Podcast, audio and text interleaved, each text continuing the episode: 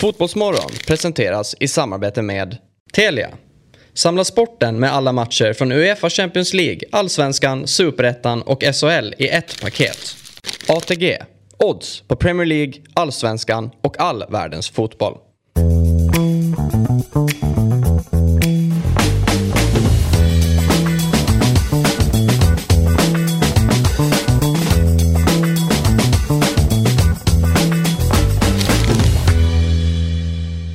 God morgon och eh, varmt välkomna till Fotbollsmorgon. Fredag den 30 september är vi framme vid. Jag var tvungen att dubbelkolla lite snabbt här. Eh, vi brukar säga detta men återigen så har vi verkligen en fullspäckad eh, morgon framför oss här i Fotbollsmorgon. Vi kommer prata med Gustav Engvall, vi kommer prata med Rasmus Arvidsson som är sångare och låtskrivare i Avantgardet. Eh, vi kommer prata med Landskrona-målvakten Svante Hildeman.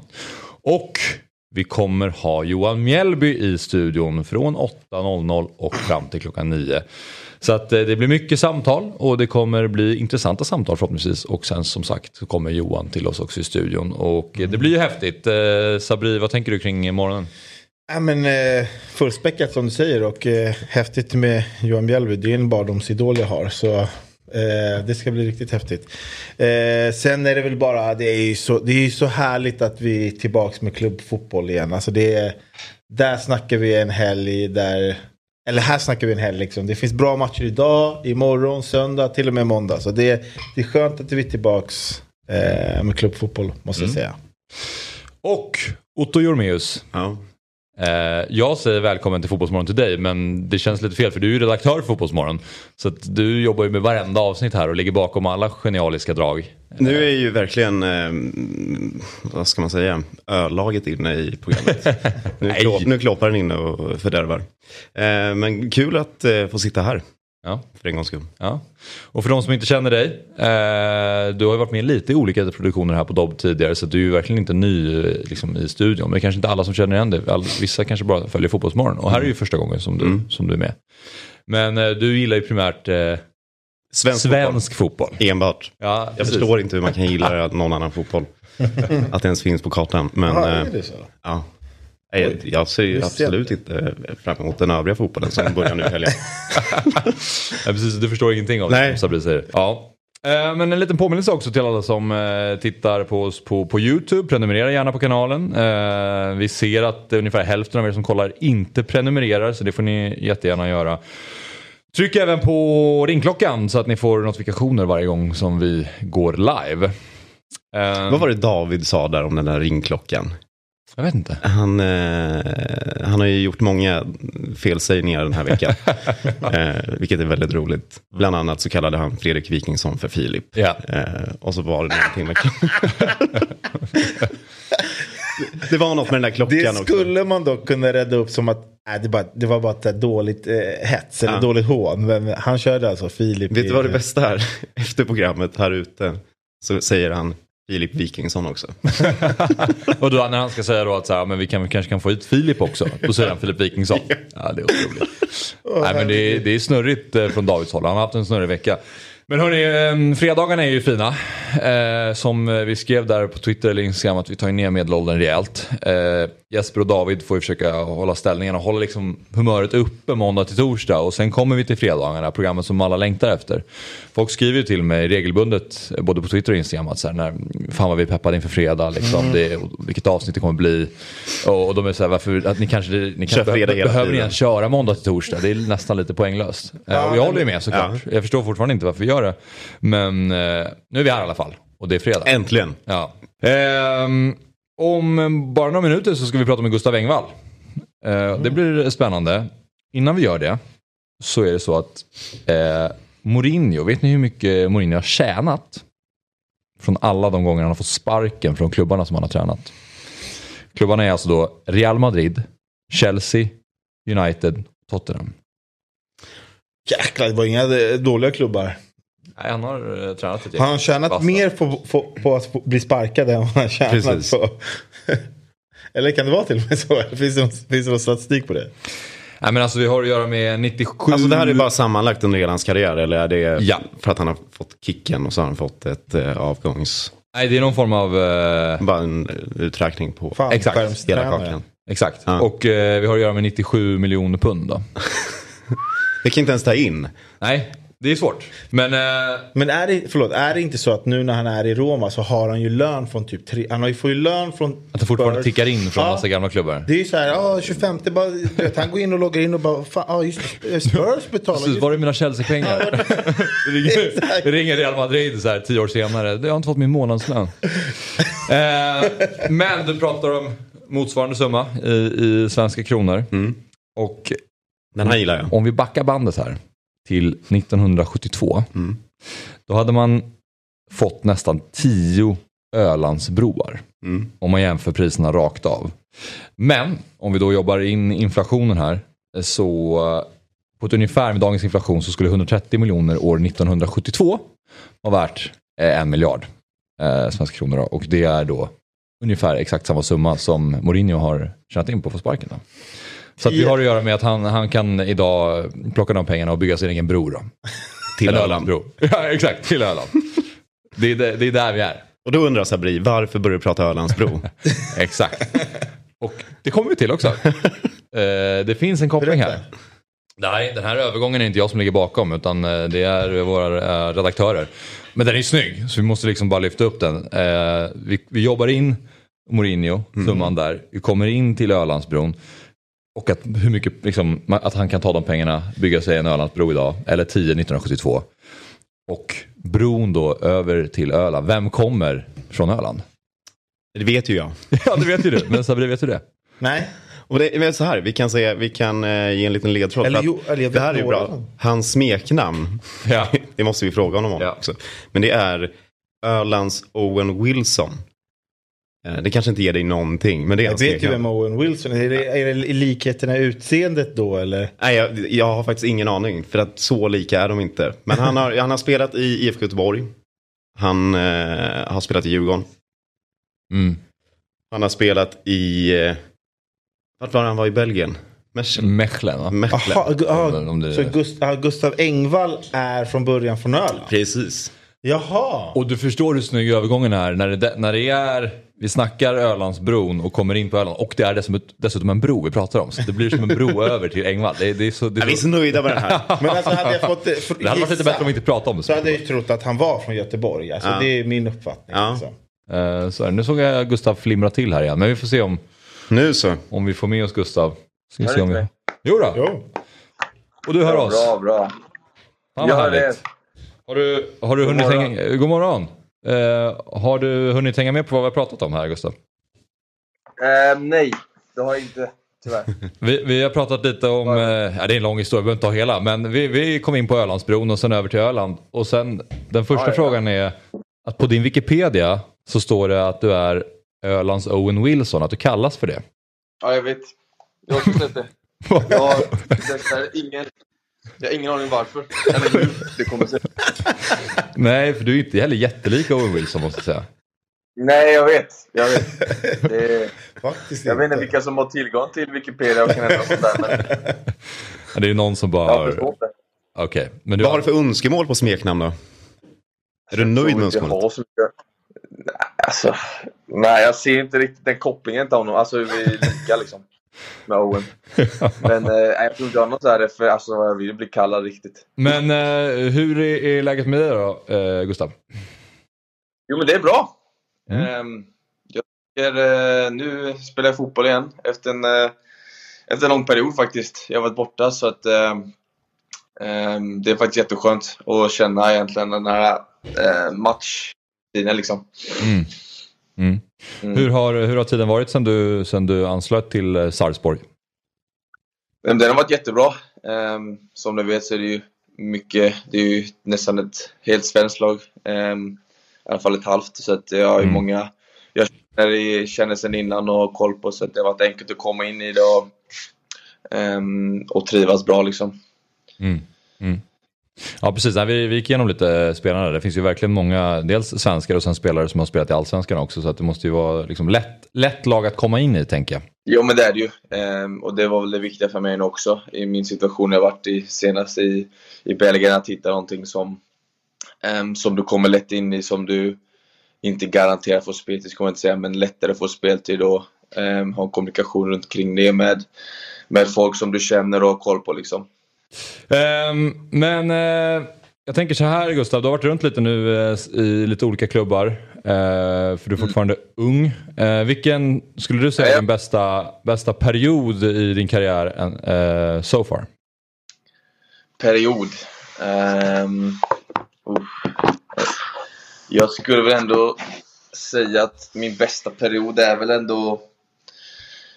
Um, jag skulle säga första två, två, tre... Två, tre är inte. Ett, ett och ett halvt i Mechelen när jag kom dit direkt. Mm. Um, skulle jag säga. Då fick jag spela fotboll och visst en andra liga i Belgien men uh, vi vann i kuppen i den säsongen också. Och um, det var en otrolig känsla och framförallt att vara så viktig efter ja, min tid i England och, och sådär. Så jag skulle säga att den var den som jag njöt av mest hittills, i alla fall den säsongen. Mm. Mm. Och, och, hur kommer det sig att du valde att lämna Mechelen då? Um, nej, jag vet det. Nej, men jag kände väl att, uh, att jag senaste åren har egentligen strugglat lite. Alltså jag har liksom stått och stampat lite. Och mm. Därför har det varit väldigt tungt att gå från liksom den viktiga spelaren jag var den första säsongen när vi gick upp och vann kuppen till att gå från och, och vara liksom någon, jag vet inte, alltså en truppspelare som hänger på träning och, och liksom är en skön gubbe liksom inte spelar fotboll. Mm. Och eh, det har väl också varit senaste tiden att jag liksom behövt bevisa mig lite efter min, min skada jag hade. Liksom, eh, varje träning för mig har varit typ så att jag måste liksom visa nu. Och eh, jag är liksom så pass bra så att jag ska, jag ska spela tycker jag. Och eh, då kan man inte gå hur länge som helst eller och, och eh, liksom försöka, försöka när man, när man vet att någon annanstans ska få spela fotboll. Och, eh, jag har ändå kämpat på länge. Det är liksom, da, två års tid eh, lätt. Eh, där jag liksom har försökt att, att, visa att jag, att jag vill spela och kämpa på varje dag. Så att, eh, jag tror det var timing och ehm, kanske till och med lite sent. Eh, men eh, okay. det är så jag jobbar. Jag gnuggar. Mm. Eh, och när du har spelat i, i Sverige så har det ju såklart varit eh, Blåvitt men även eh, en, en tid i Djurgården. Eh, hur mycket följer mm. du Allsvenskan och de två klubbarna idag? Jo, men jag följer dem. Eh, jag kollar väl på de flesta matcherna de spelar. Mm. Eh, det är kul, men ja, jag hoppas att ja, det, det längsta strået är i sista. Mm. Vilken klubb blir det om du vänder hem? Djurgården eller Blåvitt? Det är, en svår, det är en svår fråga. Det är lite så här om man ska kolla på det så är det att Blåvitt är en fantastisk eh, tid. Med både i ungdomen och var det ett, två år i A-laget kanske. Ehm, och Djurgården var också en situation där jag kom från Mechelen helt, eh, helt lost. Alltså helt, mådde väldigt dåligt då. Och de tog hand om mig väldigt bra. Ehm, så det är lite om man ska variera lite. Men det är två klubbar som jag tycker om väldigt mycket. Även var en kort tid i Djurgården så satte det mina spår i, i mig liksom. Mm. Hur var om tiden i Mechelen då? Vad, vad var det som gjorde att alltså det inte flög? Vad, vad, har du pratat om eh, att du mådde dåligt liksom? Ja, alltså jag, det är lite så också, man känner inte det så när du väl är i det. Så det är klart, jag har träningar liksom. Träningsveckan är ofta om vi spelar söndag, tränar från tisdag, så är tisdag, onsdag, torsdag är ganska okej okay, för då är det inte så mycket taktiskt. Sen kommer torsdag, fredag. Och då får man ju vara... Jag har nog varit, jag har varit alla lag i Belgien. Jag har liksom varit Antwerp. Jag ska spela som deras anfallare Antwerp, en träning liksom. Um, jag ska träna som uh, Sintrödens uh, tia. Och liksom, alltså det är liksom bara tagit koll på mig senaste tiden. Mm.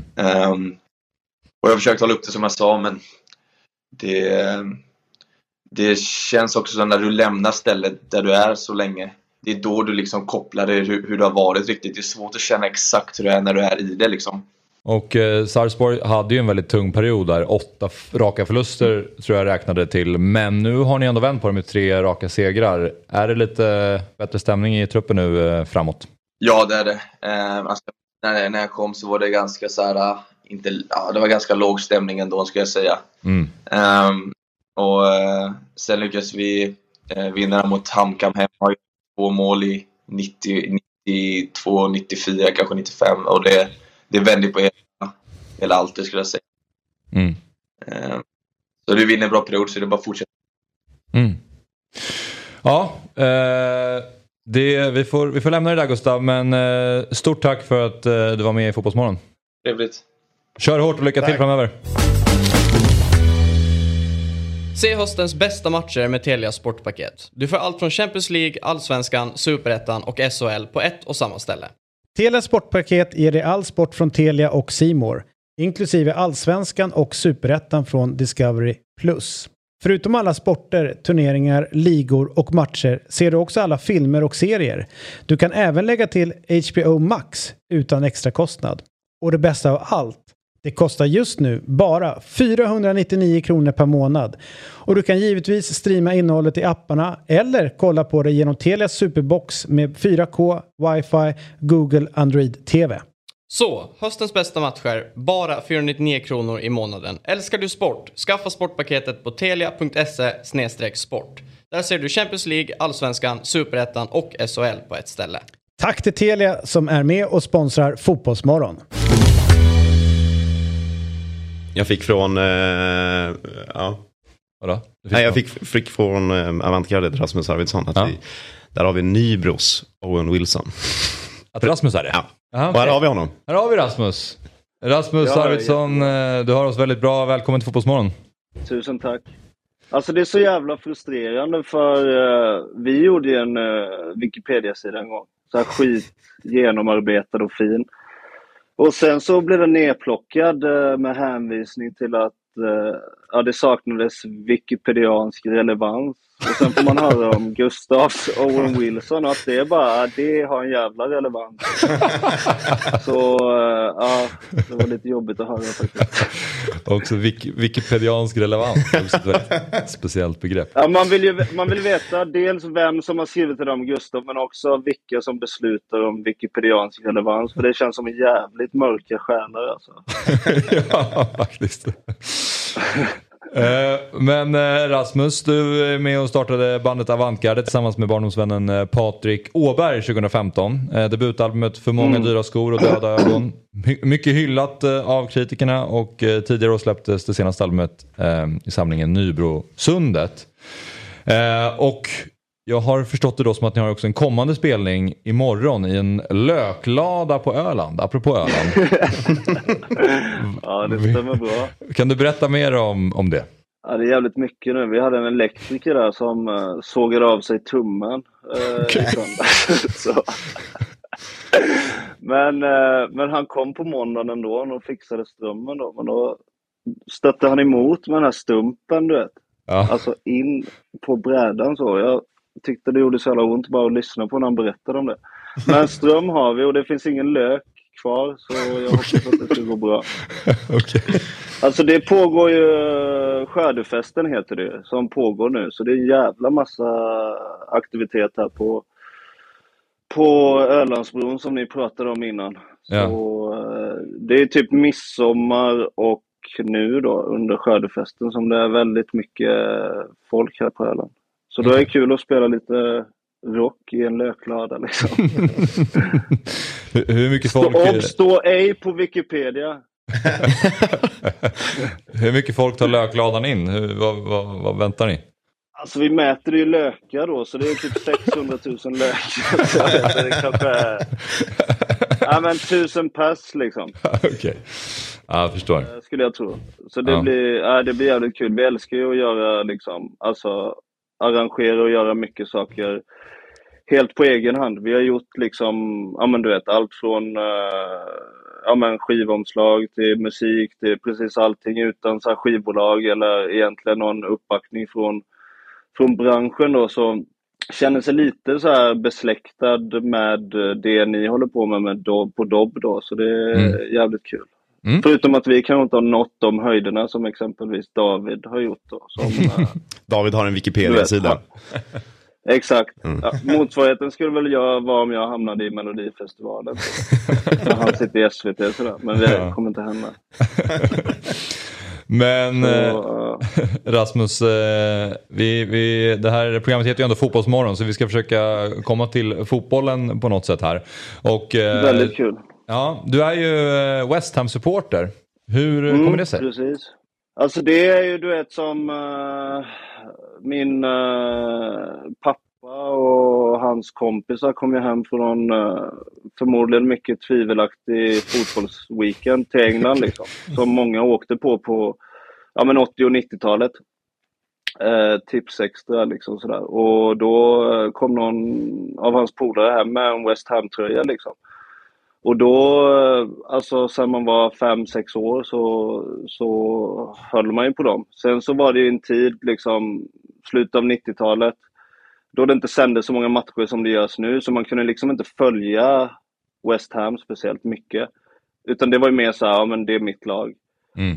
Men sen så eh, när jag flyttade över och bodde där i flera år så hade jag ju säsongskort både hemma och borta och då blev det ju liksom mer Alltså det blev ju att man blev en del av kulturen och alla ens polare, allt handlade om West Ham liksom. Mm. Eh, Dels alla pengar man spenderade eh, alltså i anslutning till det men också så här, det enda du såg fram emot var liksom lördag morgon eh, eller söndagen sådär. Och då blev det ju att du dels följde fotbollen såklart men allt runt omkring. Att det var hela ens liv. Mm. Och sen så, eh, alltså den som har lyssnat på min musik och sådär vet ju att det handlar väldigt mycket om missbruk och psykisk ohälsa och sådär och jag fastnade ju eh, liksom i ett eskalerande missbruk som, som jag behövde lämna London för att, för att försöka ta mig ur. Och då var det ju som att lämna också hela den där gemenskapen och, Mm. och den fruktansvärt stora del som fotbollen hade. Och sen är det klart att jag, jag följer dem väldigt mycket nu också, men samtidigt så är det så här. Alltså det finns inget jobbigare än att se West Ham på TV för att jag vet vad alla mina polare gör, vad de har gjort innan matchen, du vet, allt det Mm. där. Så då är det som eh, ett slag i magen liksom. Där typ hur det går i matchen är inte det som är top of mind på något Ja, sätt. Mm. Så, Så- innebär det att du inte åker tillbaka till London då eh, för att se laget eller eh, hur? Nej, Liksom? finns inte en chans alltså. Nej. Det, nej, det går inte. Det är som att öppna, alltså gå in genom den här dörren som, som fortfarande är öppen. Så jag har ju försökt göra det där. Mm. Eh, men det slutade ju med, ja men du vet, eh, inte, inte så bra. Nej. Är det likadant på, är det bara West Ham? Eller kan du gå på fotboll i Sverige? Eller är det också en dörr att öppna? Alltså är det förknippat, missbruket Alltså, är förknippat med fotboll? För, ja, alltså jag, är ju, jag kommer ju från fotboll. Liksom. Fotbollen var ju hela mitt liv. Det var ju liksom därför jag... Ja men du vet, allting handlade om fotboll. Eh, Jag spelade fotboll och liksom jobbade med fotboll och allting. Och sen skadade jag ju knät, drog korsbandet liksom. Och det var ju då jag kände att hela mitt liv här i Nybro, som jag kommer ifrån, några mil från Öland, det är uppbyggt kring kring att spela och leva med fotboll liksom. Och när det försvann, försvann ju allting och då bara stack jag liksom. Eh, så det är väl mer att jag alltid har haft, du vet, division 4 fotbollen och allt vad det står för här i, i mina hemtrakter och det har jag ju liksom ingen kontakt med nu. Eh, sen är det väl liksom inte så att jag köper Alltså jag känner inget sug om att köpa två gram ladd och gå på Guldfågeln Arena och försöka slåss med någon. Liksom. Nej. Alltså det är inte det jag känner för nu.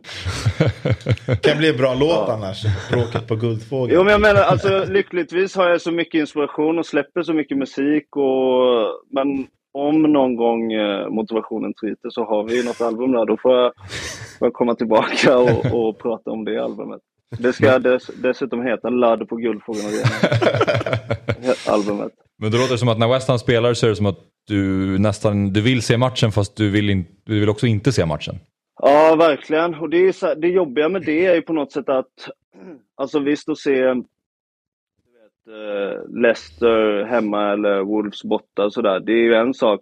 Eh, det ger ju kanske inte samma puls och nerv i termer av att det inte är eh, lika stor match. Samtidigt så är ju liksom Spurs borta den matchen på året du verkligen vill se, men det är också den som verkligen är jobbig att se liksom, för du vet vad fan som pågår. Mm. Eh, sådär. Mm. Sen så, alltså fotbollsmässigt så är det så här, eh, jag vet inte, det är, jag tror, Ja, på allvar så tror jag liksom under tiden jag var där så, under fyra års tid så förstod jag inte någonsin hur West Ham skulle kunna göra ett enda mål. Alltså det är, så här, det är sant, då var man ändå så här inne, följde laget, alla skador, du vet, precis allting. Alltså jag tänkte så här, jag ser inte hur de någonsin ska kunna få in en boll med det här spelet och de här spelarna. Samtidigt så är det så konstigt för att eftersom du har sån himla insyn och, och bryr dig så mycket för ditt lag så, så var det också så här, du vet när City skulle möta West Ham hemma. Jag trodde ju på allvar att, ja men idag, City har vunnit med 5-0, 17 raka matcher, men West Ham det blir ändå liksom kryss. Så det var så jävla tudelat. Jag vet inte om ni känner igen det om ni följer Ja. något lag. Jo. Att man liksom, ja, vi är sämst i hela världen, men just idag så blir det liksom i raka. Det, det kan ändå gå någonstans. Exakt. Mm. Väldigt märkligt det där. Ja, eh, vi ska faktiskt snart eh, ringa upp nästa person här Rasmus. Men eh, om vi bara pratar lite om West Hams säsong då. För de har ju börjat ganska tungt ändå. 18 plats, bara fyra poäng än så länge. Vad säger du om eh, Moyes och hans bygge? Nej, men det är ju... Alltså jag vet inte, det är ganska själlöst på något sätt. Och... Alltså på något sätt så är det, alla vill ju ha, om jag tar supporterperspektivet liksom. alla vill ju ha det här eh, We play on the floor liksom och spela en rolig fotboll och eh, det spelar nästan ingen roll vilken ligaposition man kommer till så länge man har West Hams identitet liksom. Academy of Football och spela på marken och sådär. Eh, sen kom Moise in och nådde resultat på något sätt. Alltså Europa League och allt det där. Och spela en pissig fotboll. Och visst, om man får åka ut i Europa och sådär så köper väl alla det. Men eh, samtidigt när det går så här och man spelar den typen av fotboll så känns det ganska liksom hopplöst. Mm. Alltså, eh, oerhört intressant att lyssna eh, till dig Rasmus. Jag, Rasmus ska ju hit. Ja men verkligen, du måste besöka studion eh, och komma hit och dels prata mer om West Ham men också eh, ta med dig liksom, instrument och spela lite för oss här. Hoppas vi ses igen. Ja, verkligen. Verkligen. Jättekul att ha dig med. Tack Rasmus. Lycka till imorgon också. Tack snälla. Ja, verkligen. Hälsa, Tack kill, hälsa elektriker. Hej. Ja, jag säger det. Ja. Ja. Kunde man ju hållit på en timme till. ja, verkligen. Det fanns många frågor som man hade velat ställa eh, Rasmus. Ehm, men det får bli nästa gång helt enkelt. Vi hoppar direkt vidare här Ja. eh, i vårt körschema. Nu har vi med oss eh, Svante Hildeman som är målvakt i eh, Landskrona Boys. Eh, hur står det till? Ja, eller det, det är som det är när man är uppe den här tiden. Jag påbörjade min dag med att jag skulle göra gröt. Och så skulle jag salta den. Och så öppnade jag på fel, på fel sida så det blev det stora hålet. Det är inte som man vill börja sin dag. Nej, det är fan en deppig start på dagen faktiskt. Men eh, eh, Svante, om man eh, sett utifrån så känns du inte riktigt som den typiska fotbollskillen. Eh, håller du med om det och kan du förstå vad, vad vi menar med det? Alltså på ett sätt kan jag förstå det. Eh, Men samtidigt finns det en enorm bredd i vad som är en typisk fotbollskille. Mm. Ehm, Men jo, jag har, väl, jag har väl märkt lite att mina intressen sticker ut lite kanske. Mm. Ja, men, eh, för eh, tidigare i år så gick du ut och pratade om, om eh, psykisk ohälsa. Hur kommer det sig att du, du valde att göra det? Var det? Kändes det som ett, ett stort steg att, att berätta om det utåt? Nej, egentligen inte. Eh, det är många som har gjort det förut. Och det är nästan så att det har gått inflation i att idrottspersoner pratar om psykisk ohälsa. Eh, så på ett sätt var det ett motstånd i det. Att jag, men jag kände verkligen att fan alla har gjort det här. Men samtidigt kände jag, varför ska jag säga nej till att göra det? Vad, vad innebär det för diskussionen kring psykisk ohälsa inom idrott och så? Eh, så det var väl mest att jag inte ville tacka nej egentligen. Mm. Men samtidigt var det skönt att öppna upp och jätteskönt att, eh, att få den responsen som jag fick. Det var, det var jättefint. Mm. Och även som du säger, även om det är fler som har gjort det nu så känns det fortsatt viktigt att fler gör det och det är fortfarande inte jättemånga som gör det så det är ändå viktigt när personer som, som du ändå vågar, vågar gå ut och göra det. Men eh, eh, du Svante som är elitfotbollsspelare, upplever du att psykisk ohälsa är ett, ett problem inom fotbollen? Eh, det är väl ett problem på samma sätt som det är ett problem i samhället skulle jag säga. Sen kanske inom fotbollen ligger vi kanske lite efter i att våga prata om det. Eller mm. ta tag i det framförallt. Um, man kanske, man kanske i högre grad kopplar det till fotbollen än man gör... Alltså som fotbolls... Man, säg att man är fotbollsspelare, man upplever att man mår dåligt.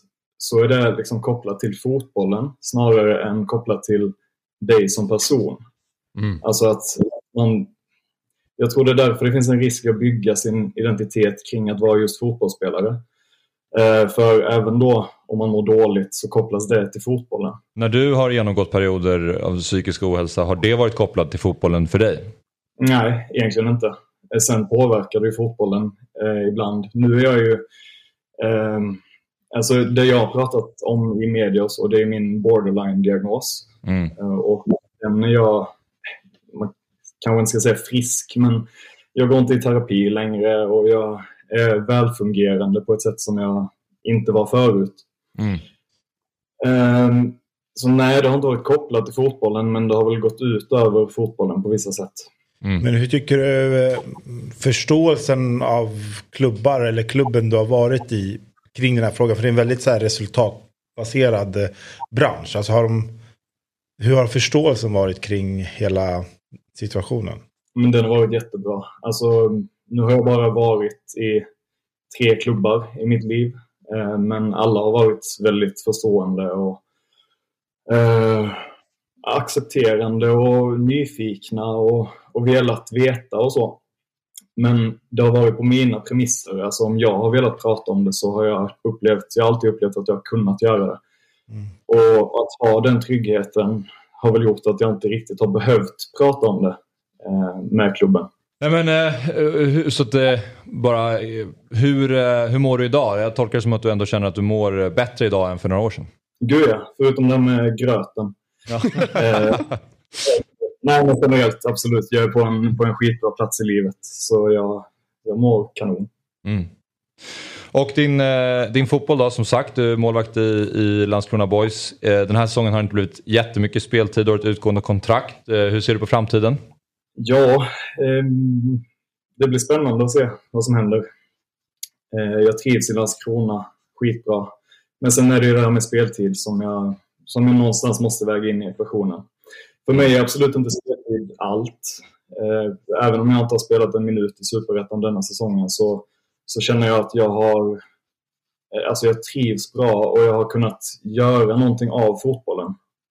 Eh, mm. Förutom att spela på planen. Alltså jag, jag trivs på träningar, jag trivs i stan och jag har kunnat använda fotbollen till att um, få en liten plattform på något sätt. Jag har varit inblandad i lite projekt inom klubben och så. Och för mig är det en ganska viktig del av fotbollen också. Jag lyssnade på gårdagens avsnitt med de här två Varbergsspelarna som var ute i skolor och läste. Mm. Um, och det, fan jag blir rörd av att höra det. Jag älskade det älskar sådana initiativ när man gör någonting av fotbollen som, som inte har med fotboll att göra. Mm. Vad är det för det, eh, projekt som eh, du gör i Landskrona? Just nu håller jag på med ett projekt med akademispelarna där jag föreläser och håller i workshops kring identitet kan man säga att det handlar om. Det handlar om vem man är när man inte är fotbollsspelare och vem man är efter att karriären tar slut. För någon gång kommer den ta slut oavsett om de är 17, 20 eller 40. Liksom. Mm. Eh, och det handlar om att, om att utbilda människor och inte bara fotbollsspelare. Mm. Eh, och du var med i en ganska uppmärksammad intervju med Helsingborgs eh, Dagblad nyligen där du sa att eh, om det blir flytt så vill du inte spela i Östersund eller AFC Eskilstuna eller något sånt projekt. Eh, vill du utveckla det här i Fotbollsmorgon? Ja, det vill jag väl. Eh, framförallt för att Fotbollskanalen gjorde en ställe copyright på den. Och det, jag, skrev en, jag skrev en syrlig tweet om det. Um, just att Fotbollskanalen hade rewritat. Och det bottnar i att den artikeln jag gjorde i vintras om psykisk ohälsa, eh, där samarbetade jag och journalisten väldigt tätt under flera veckor för att det skulle bli för att allting skulle bli rätt och för att jag skulle kunna stå för allting som skrevs i den artikeln. För det handlade inte riktigt om fotboll utan det handlade om mig. Och efter att den artikeln kom, den om psykisk ohälsa alltså, så, så kommer Fotbollskanalen och gör en rewrite på den och bara slaktar det här arbetet som, som jag och journalisten hade, hade lagt mycket tid på. Så sen dess har jag väl burit på ett lite latent förakt mot deras rewrites. Mm. Och nu när de när de rewritade denna artikeln också. Och jag fattar att det är så media funkar. Det, det handlar om klick och det handlar om, om spetsiga rubriker. Det köper jag. Eh, men den blev lite fultolkad. Mm. Eh, när som allting handlar om att, att jag vill spela i en klubb med supportrar och att jag inte vill spela i just AFC eller Östersund. Men egentligen handlar det om, om, om man läser artikeln i HD som jag tyckte var skitbra, så handlar det om, om att jag jag är lite av en fotbollsromantiker. Jag tycker om det här med föreningsdemokrati och, och allt sånt. Och därför gillar jag inte sådana projektklubbar som, Nej, som fuskas fram. Ja, stort lycka till med gröten och stort lycka till med fortsättningen av säsongen och framtiden generellt. Tack för att du tog dig tid att vara med här. Tack själva. Stort tack. Hej! Nu wow. eh, mm. äntrar eh, Johan Mjällby studion. Så att nu ska vi skifta fokus. Eh, jag ska få dig slå dig ner här. Johan, eh, välkommen till eh, Fotbollsmorgon. God morgon, god morgon. Tack ska du ha. Tack. Eh, har du vaknat och du mår bra och så vidare? Oh ja, jag har haft en powerwalk på 20 minuter. Okay. Det tog 20 minuter att gå hit. de vi har ringt tidigare känns som att de var ganska nyvakna. Du verkar vara lite mer alert. Ja, men jag är ju gammal. att, jag, menar, jag vaknar tidigt. Okej, okay. hur, när brukar du gå upp på morgonen? Nej, det är olika. Det beror på när jag kommer till sängs och så vidare. Men eh, mm. nej, jag brukar vara uppe vid sju riktigt. ja, och så du krymper lite nej, när du sitter bredvid Johan. men vi måste ju då fråga, Johan, hur mycket, hur mycket tränar du? Hur mycket håller du igång idag? Eh, nej men jag tränar väl rätt mycket men det finns ju olika, eh, precis som Jan Andersson säger att det finns massa orsaker och anledningar till varför saker och ting händer så, så är det ju så att jag har ju, jag står i kö att byta knäled och har gjort det egentligen i 15 år. Så att, eh, okay. Jag har kanske inte stått i kö och väntat i 15 år men jag har behövt byta knäled. Så att jag, därigenom så behöver jag ju träna rätt mycket och ja. må bra på så sätt. För jag, kan inte, jag har inte kunnat springa på 10 år så att jag Nej, jogga okay. ens. Så att, menar, om alla förstår när man inte har någon brådska och det är knä mot knä, alltså skenben mot mm. lårben så det, det, är rätt smärtsamt. Så då eh, blir kompensationen att, att bygga upp eh, biceps och eh, Ja precis, man ser ut som Johnny Bravo. Skitsmala ben och så breda axlar. Ja exakt. Ja, vi måste be Viktor, det, det, finns ju någon bild där ute på din torso, den är helt overklig ja. faktiskt. Jag har sett den. har du sett den? Nej, men det, det, ja, du behöver inte se den, du ser här. ja. Men äh, ja, äh, nog om din äh, träning då. Ja. Äh, vi, vi, ska prata om allt möjligt idag tänker jag. Mm. Mm. men jag tänker vi kanske bara ska börja liksom, med, med dig som, som spelare och din spelarkarriär. AIK, Celtic, Levante, sen AIK igen. vilka är de största främsta minnena om du tänker tillbaka på din spelarkarriär? Jag trodde du bara skulle säga AIK Celtic, för det är ju egentligen bara i mitt huvud och hjärta. Mm. Eh, och även att ta bort den här sista AIK, vilket jag fick ut avtackande som var fantastiskt. Men jag var ju helt trasig eh, när jag lämnade Celtic i, i knät, vilket alla visste om. Och jag var lite naiv, inte klippa navelsträngen och trodde att värmen skulle göra så att man kunde spela även utan brosk. Men så funkar det ju inte. Men eh, nej, eh, det största minnet är ju naturligtvis att vinna trippen med eh, Celtic, mm. vilket inte hade hänt på herrans massa år eh, för klubben då. Eh, det, var, det var väldigt, väldigt stort. För, att, jag menar, för mig, för mig eh, elitidrott handlar om att vinna saker. Och speciellt i lagidrott vinna saker tillsammans. Så att vinna titlar har varit det som jag sökt. Eh, mm. Uh, och, och, det fick jag verkligen chansen att göra Celtic. Uh, naturligtvis SM-guldet 98 var ju jätteviktigt för mig. Med AIK eftersom AIK var klubben som jag är uppfostrad i och, och var min klubb. Och jag uh, var ju inte så jätteglad när jag inte fick vara med 92 eftersom jag var korsbandsskadad. Mm. att, att så att jag var väl rätt Kakade det guldet extra? Ja, det gjorde det absolut. Jag var väl lite trilsken här 92 när jag vägrade röra bucklan och när de stod i, uppe på Berns och alla AIK-supportrar stod där nere i, i parken, i Berzelii park och, och eh, kanske undrar vad, det, vad jag var för eh, eh, slyngel som vägrade röra bucklan. Men jag hade inte varit med alltså, för jag hade tränat själv hela året, inte varit, riktigt varit med grabbarna. Så jag var superglad för dem. Och så vidare. Så att det, det var någonting jag bestämde mig mentalt att jag, jag ville vara, vinna ett SM-guld med AIK. Och det, var- det, det var fantastiskt att få göra 98. eh, För då visste jag också att jag skulle lämna klubben. Det är ju också så Johan att du är ambassadör för ATG. Ja, absolut! Ja, och eh, vi ska prata lite kvällens höjdare till att börja med tänker jag i samarbete med Telia och ATG. Kvällens höjdarmatch Sabri Bayern hittar vi München, va? i Bundesliga. Ja, det är... Ja, avspark 20.30. Bayern München tar emot Bayer Leverkusen. Och eh, då är frågan eh, här Sabri, är Bayern München lite krisläge här eller? I ligan? Nja, det, det vill man ju ändå inte. Alltså, man hade ju sagt det om det var en annan klubb i en annan liga på något sätt. Men Bayern München känns ändå som att de har det i ryggmärgen att de ändå löser det här. Och eh, jag tror absolut inte någon i Bayern München pratar om kris. Jag tror inte någon i Tyskland pratar om kris. Sen fortsätter det så här. Det är ingen absolut. kris för Nagelsmann då? Va? Nej, det tror jag inte. Att det Men vis Vad det säger- i Fotbollsmorgon i alla fall. Vi stämplar att det är kris. Krislaget. Vad säger Johan då?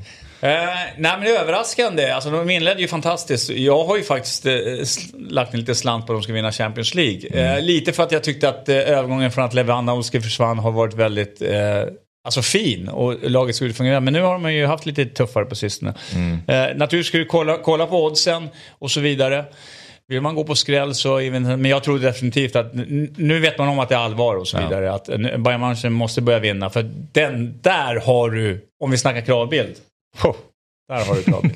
Ja, det, precis. Det ju- känns som att det är läge för dem att börja växla upp nu och det är de väl medvetna om. Så det, det, det finns ju sparkapital i det här laget eh, i, i truppen. Eh, om vi ska prata lite Big Nine då eh, hos ATG. Eh, så är det nio riktigt eh, spännande matcher. Och jag tänker att vi kan ta upp eh, den första bilden Viktor med de första tre matcherna. Då börjar vi med Liverpool-Brighton då som är match nummer ett på Big Nine-kupongen. Och eh, innan vi pratar om den då så är ju Big Nine, det är nio matcher från de europeiska toppligorna. Och det är 1, X, 2 samt spela över eh, 2,5 eller under. Eh, och så har man ett wildcard på, som man kan lägga på en match som, är, som fungerar som en helgardering. Men Liverpool-Brighton, det här är ju din rad Sabri. Ja, Här har du spikat Liverpool och du tror på över 2,5 mål. Ja, det gör jag faktiskt. Alltså, jag, vill ha någon, jag försöker hitta någon form av balans på kupongen. Att, och då måste man spika någon favorit. Och jag tror dels med Potters uttåg från Brighton och att Liverpool avslutade det här eh, inför uppehållet bra. Och att de har fått den här vilan och kanske tränar på mycket saker. Jag, jag, jag, ser ingenting an, jag ser inte skrällen komma i den här matchen riktigt. Speciellt inte när Liverpool har hemmaplan. Så spiken landar där. Mm. Vad säger Johan om den? Normalt sett skulle jag hålla med dig 110%. Jag är Liverpool-supporter Det är också. också. Det är också, eh, förutom Celtic AIK. Men eh, alltså jag älskar Klopp och jag älskar Liverpool. Det är lite upp till vis Klopp också. Han kan inte hålla på och fortsätta gnälla på skador. Eh, det börjar komma tillbaka spelare nu. De har inte fungerat. Eh, framförallt energinivån, vilket är så viktigt för hur Liverpool spelar, har ju inte varit där. Eh, det ser ut som Robertson och Trent Arnold ungefär som de har varit på ett träningsläger i tre månader innan säsongen. Alltså, det har inte alls funnits där. Jag ska ju faktiskt säga att eh, normalt sett, eftersom det är Anfield också, skulle jag ju spika. Men, men jag har stor respekt för Brighton. Jag vet att Potter har försvunnit. De Serbi står för liknande fotboll i och för sig. Det ska bli intressant att se. Eh, jag kommer slänga in mitt wildcard i den här matchen för, i hopp. För jag tycker det finns starkare favoriter än Liverpool. Vi har ju fyra jättestora favoriter Ja. på, just nu eh, på kupongerna och det är Liverpool. Eh, vi har Chelsea, sen har vi ju Barcelona, Barcelona och Milan också. också. Ja. Som är väldigt stora. Men i, i Liverpool eh, och Chelsea är väl de två som jag tycker hänger lösast av de eh, två lagen. Så att jag, i hopp naturligtvis att min rad hopp, lägger in mitt wildcard, att Brighton skräller här. Mm. Spännande. Ja. Match nummer två är West Ham mot Wolves och match nummer tre är Crystal Palace-Chelsea. Vad, vad tänker du om Sabris tecken här då Johan? Eh, nej men helt rätt, helt rätt. Eh, Jag ska villigt erkänna, eftersom jag vill ha procentuellt mässigt eh, och ha en lite mindre eh, favorit och spik. West Ham. Ja. Vi, har, vi hade väl en West Ham-fan Ja. här, så jag gör han glad här med att det är Hammers. Alltså, de har ju inlett katastrofalt. Men de har ju egentligen samma material. Och Moyes måste få fart på det här nu. Alltså kryss, jag förstår ju att folk lägger in krysset. Jag måste få balansera upp här för Mm. att jag hade ettan och så hade jag över under. Mm. Men eftersom kupongen var då halverad så jag fick lägga till ett tecken. Då landade den där. För alla som lyssnar här så har du spelat eh, ett kryss och eh, över under 2,5 mål Ja, på, på och match nummer två. eh, där. innan så hade jag spiken på bara endast på West Ham och över Mm. under. För jag tror som Johan att de... Ja, men det är dags för en, eh, en vinst här nu och eh, laget i grunden är bra. Så, och 58 procent, ja det jag tycker det är Ja, det är en bra rimlig spik. Det, det är en bra spik, alltså, tycker jag. Eh, Men jag förstår att krysset åker med för många. Eh, För att eh, Wolves är ju väldigt svåra och det är väldigt disciplinerade och svåra. Även om jag tycker de är sämre i år. Så eh, känner jag att procentmässigt så tycker jag West Ham är en bra spik. Eh, och du kan inte bara rama in de här jättefavoriterna. För herregud, spelar vi för, vi spelar ju inte för att få 20 kronor i utdelning utan lite mer. Ja. Jag går ju för utdelning. Det är väl Myggan som bara kan spela. Mygga spelar för att vinna 40-50 kronor. Ja. Och det älskar vi honom för. Eh, match nummer tre där, Crystal Palace-Chelsea då, så har vi spelat kryss 2 och över Mm. Ja, men det och tycker jag är under. jättebra. Jag, jag skulle kanske eh, faktiskt... Eh, eh, alltså, Crystal Palace har gjort det väldigt bra. Eh, problemen de får och lite stressen är att de inte får tillräckligt mycket poäng mot spelare. De har haft ett rätt tufft schema och gjort det väldigt bra. Eh, jag tror att Chelsea kommer bli bra med Potter, för Potter är ju en väldigt skicklig eh, tränare. Han har otroligt bra renommé i, i, nere i England också. Eh, eh, jag, jag, jag, jag är lite sugen på faktiskt rama in och helgardera ett kryss 2-spelet här och sen bara spela över. Även om många vill kanske att under, ha, ha med under. Eh, för att jag tycker ändå Potters fotboll talar för att Chelsea kommer göra mål. Mm. Och Palace är ändå starka. Eh, vi går vidare till eh, match nummer 4, 5 och 6 då. Match nummer 4 är Fulham, Newcastle. Match nummer 5 Southampton, Jäkligt stort Everton. system. Ja, det är det. Och match nummer 6 Inter, Det är Roma. Och eh, Fulham, Newcastle, där har vi att göra med en helgardering från sida. Ja, det här fegar lite. Men om jag ska vilt erkänna så vill jag ta bort tvåan helt. Jag tror inte att Newcastle... Jag var ju inne på det inför säsongen att jag tror att Fulham kommer ta mycket poäng på hemmaplan i år.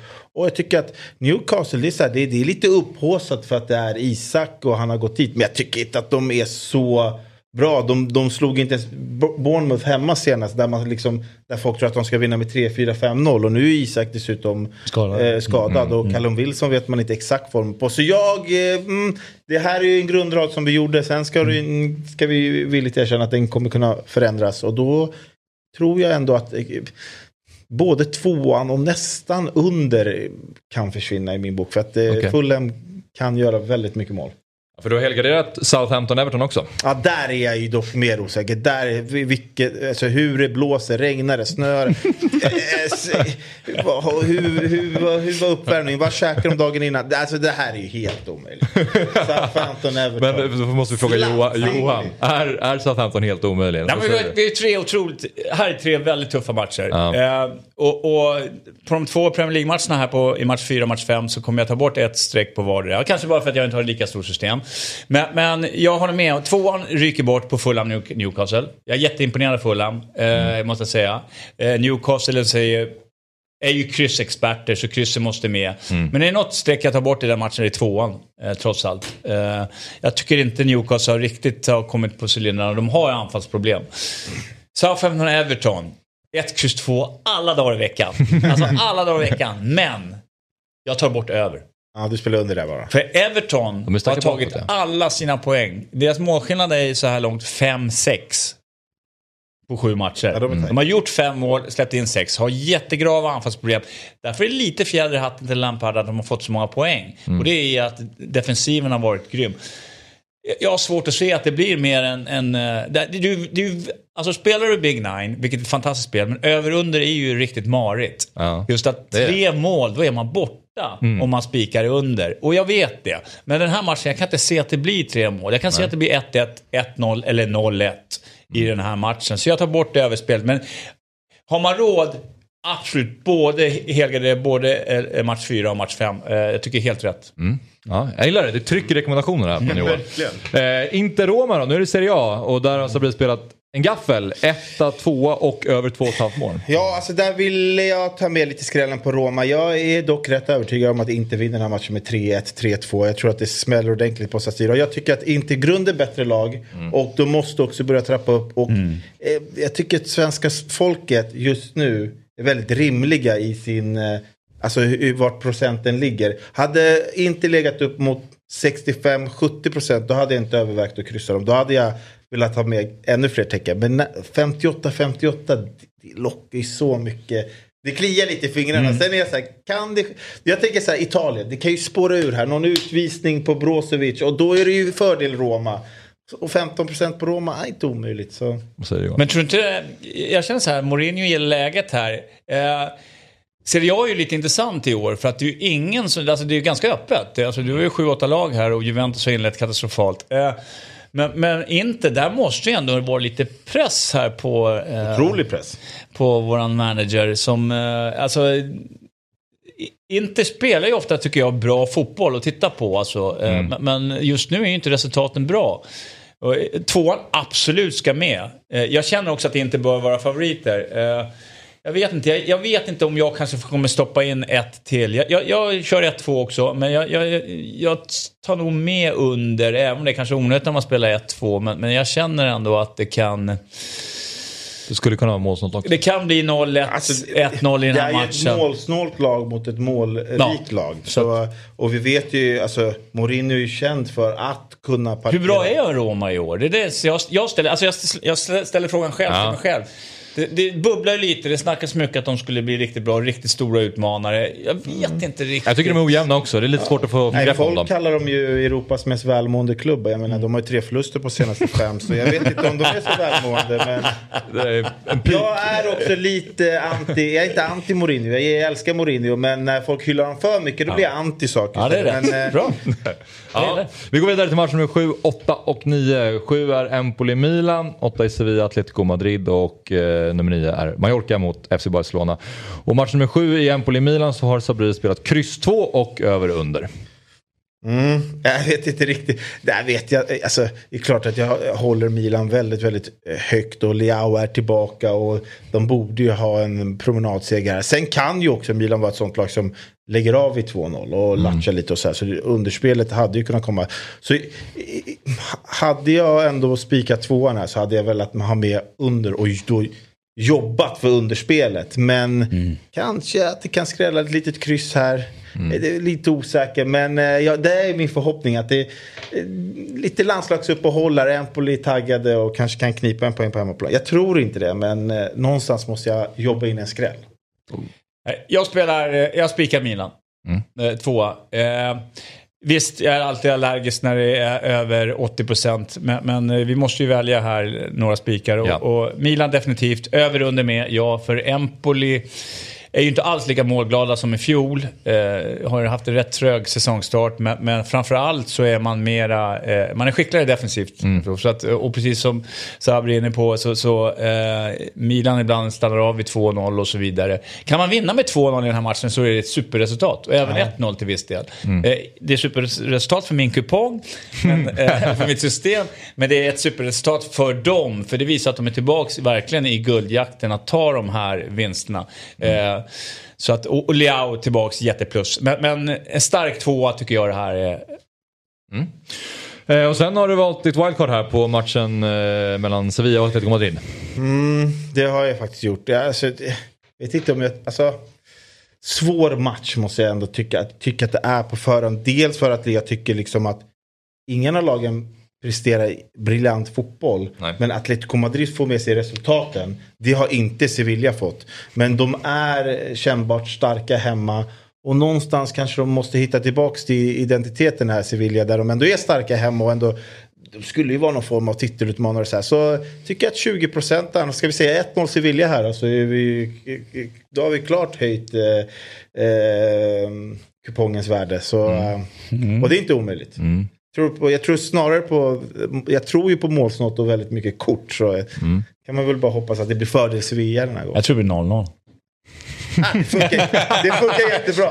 Nej, men, eh, jag, jag, alltså, ju mer jag lyssnar och det är möjligt att jag skruvar till. Just nu har jag kryss två över under. Ja. Eh, Sevilla Alltså Monchi är den enda som är glad i Sevilla just nu. Uh, eftersom, uh, eftersom kofferterna, är, eller kassavalvet är jävligt, det, det är ganska mycket deg där inne just nu i, i Sevillas uh, kassavalv. Men, men spelmässigt, och de är ju betydligt sämre i fjol. Och, och jag tror även, naturligtvis har de ju rekryterat och haft förhoppning att, att återigen vara ett topplag. Och det, de kommer ju klättra, det kommer de göra. Men det har, det har varit en väldigt trög start. Eh, framförallt inte fått med sig resultaten. Atletico är ju experter på att klara av att vinna såna här matcher med uddamål. Eh, åtminstone kryss, men, men eh, ja. Eh, det är möjligt i på lördag att jag slänger med ettan också. Men, just nu kryss två över under. Eh, vi tar match nummer nio också Sabri. Eh, där har du spiken på Barca och eh, över 2,5 mål. Mm, så jävla tråkigt.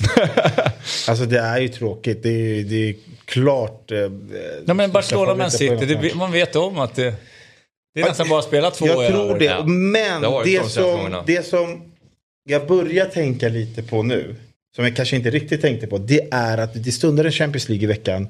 Barcelona ska ju möta Inter i ett dubbelmöte. Och Mm det är den viktigaste matchen för Barcelona. För att förmodligen är det ju Bayern München som går och vinner den där gruppen. Och eh, är det så att är det lite trögt framåt 50 och 60 minuten. Ja men då måste ju eh, Xavi börja inse att ja, man måste vila ett par spelare. Byta ut ett par spelare. Ehm, så, så det kan ju göra att det Det har kanske varit mycket land, lite- landslagsuppehållsskador Ja men att det kanske inte landar på över tänker jag. Mm, att de det vinner med kan- 1-2-0. Ja precis. Eh, samma sak att Atletico Madrid. Eh, eh, de har inte gått bra. De torskade mot Leverkusen förra matchen i Champions Mm. League. Och de har det att tänka på också. Det är viktigt för spanska lag i Europa. Så Har du tvåan och över också? Eh, Jag har tvåan och över. Men jag är allergisk mot 90 procent. Även om Barcelona har varit otroligt bra.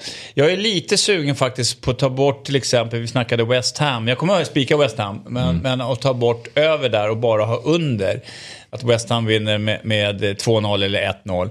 Och slänga dit ett kryss i den här matchen. Bara för att hoppas.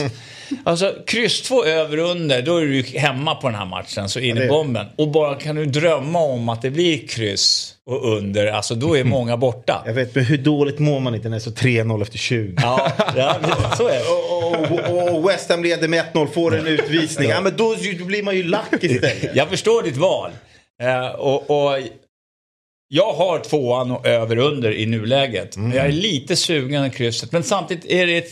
Samtidigt får man tänka så här, det, det är ju inte tråkigt för att det kanske är helt onödigt att slänga dit ett kryss. Ja. Menar, som du säger, så 3-0 efter 20 minuter. Ja. Då sitter men- man ju där. Beror på Ja, hur, alltså, ja, för mig är det lite hur du har balanserat eh, upp resten av kupongen. Mm. Skulle du till exempel ha med Crystal Palace hemma mot, eh, mot Chelsea, då är det en skräll du kan jobba in mer än Mallorca-krysset. Och då kan du Mm. Ha spiken här till exempel. Men det var, det, var, fö- eh, det var skönt i alla fall att få liksom, gå igenom här kupongen med Johan också. För att jag känner att vi, vi har ju vår tävling i vårt andra program som heter Eurotalk Weekend. Där, Ja, vi, okej. eh, där vi tar fram våra egna varianter av kupongerna varje, Ja. varje helg. Och än så länge har det blivit eh, sju, sex rätt någonstans där varje gång. Så jag känner att nu, här, har- nu fick jag mycket Men bra den råd. här kupongen ska vi ju nu blanda in lite Johans eh, idéer och så ska vi... eh, Mm. Precis, det här är Fotbollsmorgon. Ja, men det här är ett fint program. Alltså, f- alltså f- fint Ja, men system. Vi ska ändra lite här. Ja, vi, ska, Ja. vi ska spika West Ham känner jag. Och vi ska lägga till Crystal Palace där. Och vi ska, vi ska ändra lite. Men det, ta bort Newcastle, lägger till Mallorca eller under. Så det här kommer bli bra. Och det spel som vi ser här är det som vi har döpt till Fotbollsmorgon XL. Eh, och det kostar 240 kronor att köpa in sig på en eh, Eh, andel här.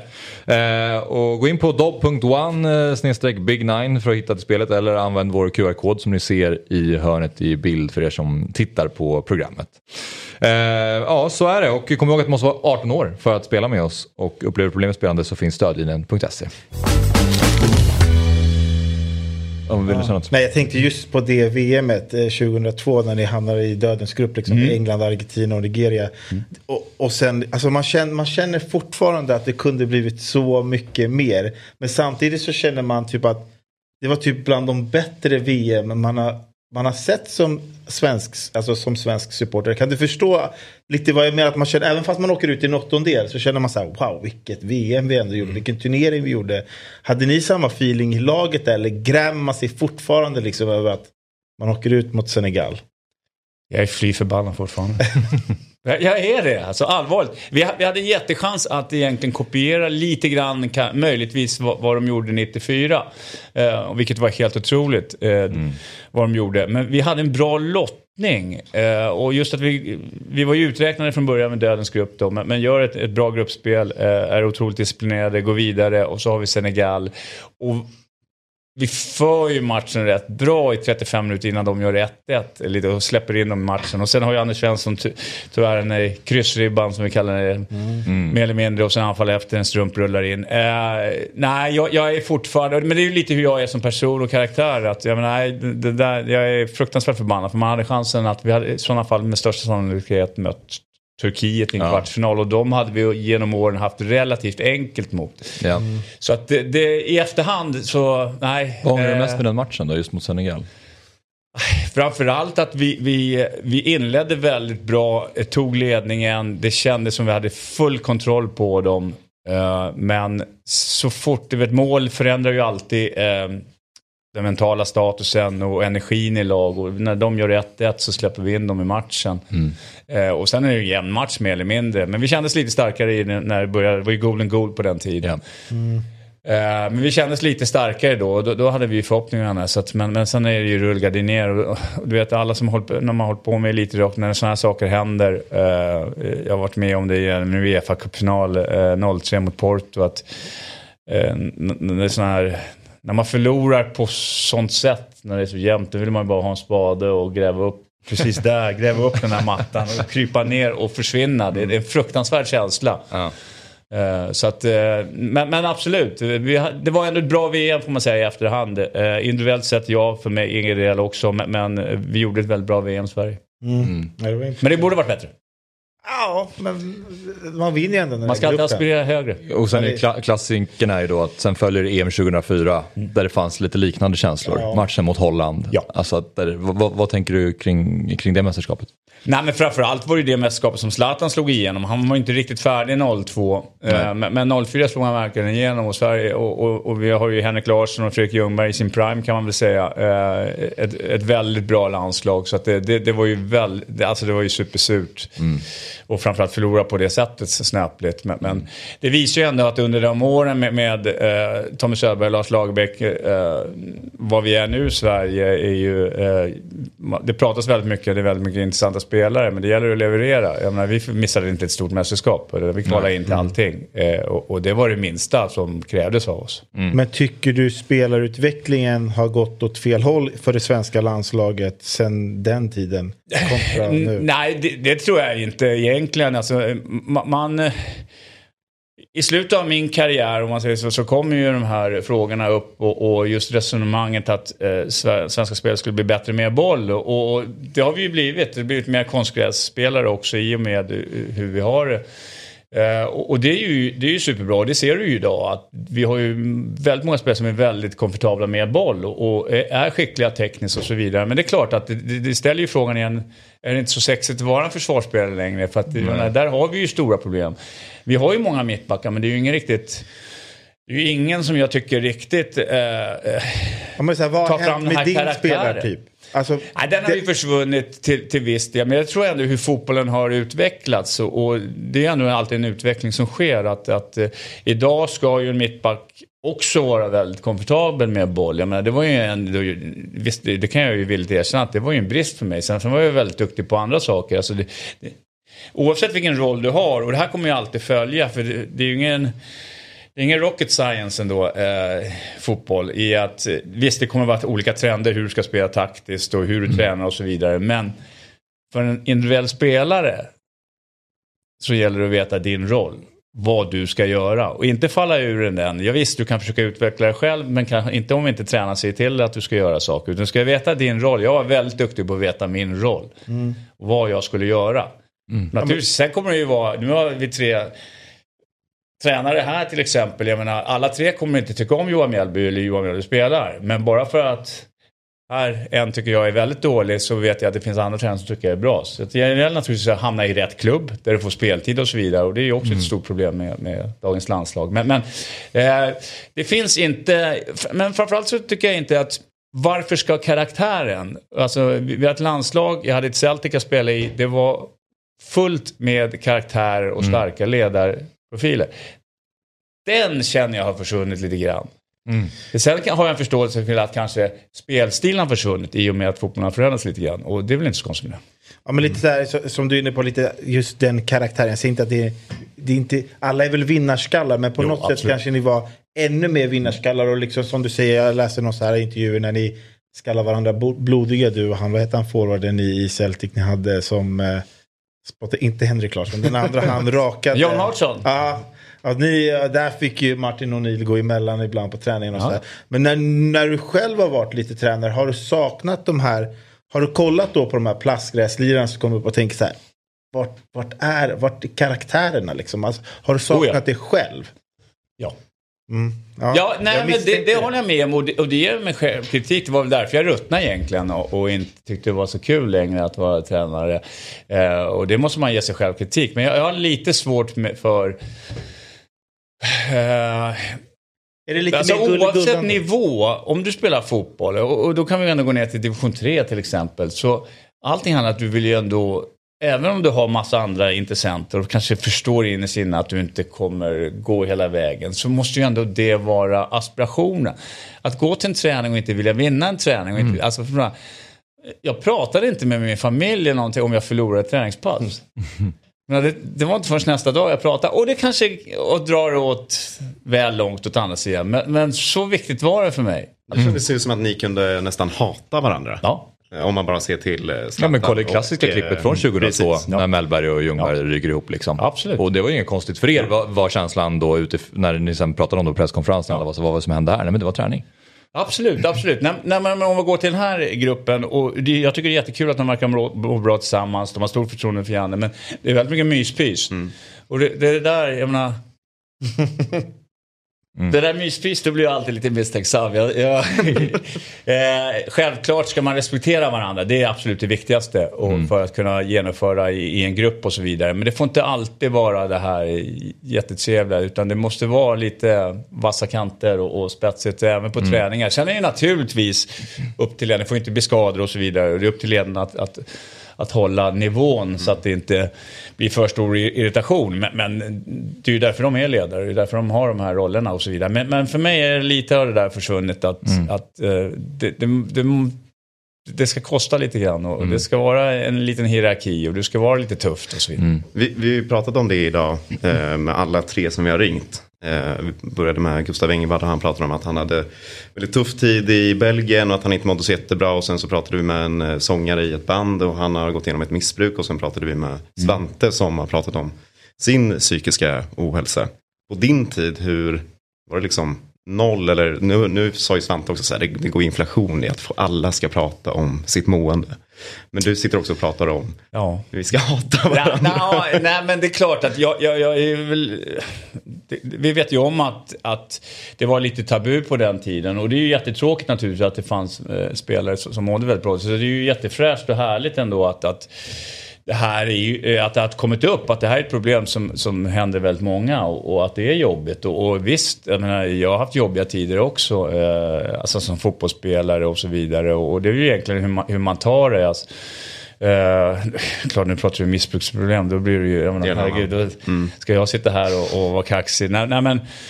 Eh, nej men det var ju väldigt mycket, det var tabu eh, till viss del. Så, så fanns det ju, det fanns ju inte samma hjälp om man säger så. Det fanns ju inte samma ledarstab och, och experter. Idag är det ju nästan information med i ledarstaben. Du har di- dietister, du, du har fysioterapeuter. Du, alltså, vi, vi hade ju typ en massör och en fysioterapeut som hjälpte lite med styrketräning och så vidare. Och sen blev det lite större i Celtic naturligtvis. Som, som då ändå var en europeisk klubb och spelade i, i, i Champions League och så vidare. Och, och vi hade rätt stor hjälp om man behövde.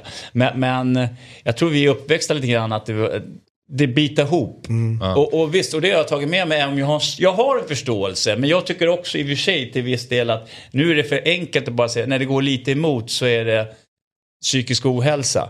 Mm. Och, och, och jag vill inte ta bort det, för det är ett jättestort ämne och viktigt ämne. Det är, och det är jättetråkigt att folk mår dåligt, men det känns som det är lite för enkelt att slänga fram det kortet istället för att kanske rannsaka det själv till viss del också. Att det handlar ju om lite att hamna medelvägen från att bita ihop till även mental ohälsa. Men eh, vi får inte glömma bort att eh, det finns eh, jag menar, kameror i telefoner överallt, det är videos som går överallt. Jag menar, eh, du har poddar, du har alla naturligtvis fortfarande tabloidtidningar, du, du har Hall TV och så vidare. Men- så, att, så att pressen är ju monumentalt stor på de här. Eh, alltså, men, men samtidigt, då kan man ju inte grina ner sig för att du får ju vinsten med att du har otroligt höga inkomster numera och så vidare och stora chanser att tälja guld på så sätt.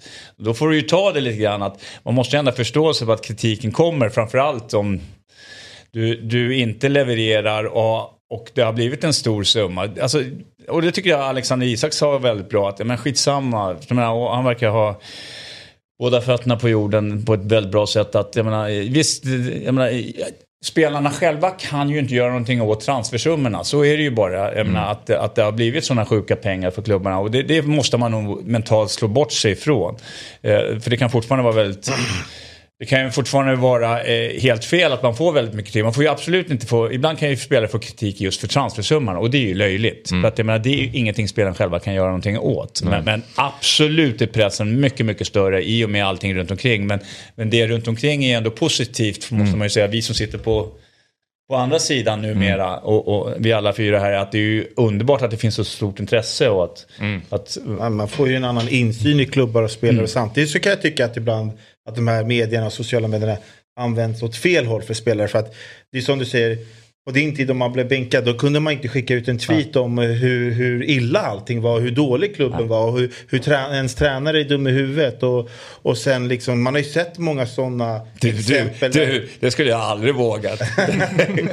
det fanns inte på kartan. Det, fann, det vågar man inte. Vad hade Martin Man Nordin inte- gjort om du bara gick ut och kritiserade honom för att spela en match? Då hade jag inte spelat någon Men- gång igen. Då hade, jag, då hade jag varit någon annanstans. Jag tänkte, vi snart. vi ändå pratat om att du är väldigt så här, hård för spelare, spelade hårt och så här. Men stämmer det att du bara hade en utvisning i he under hela din AIK-karriär?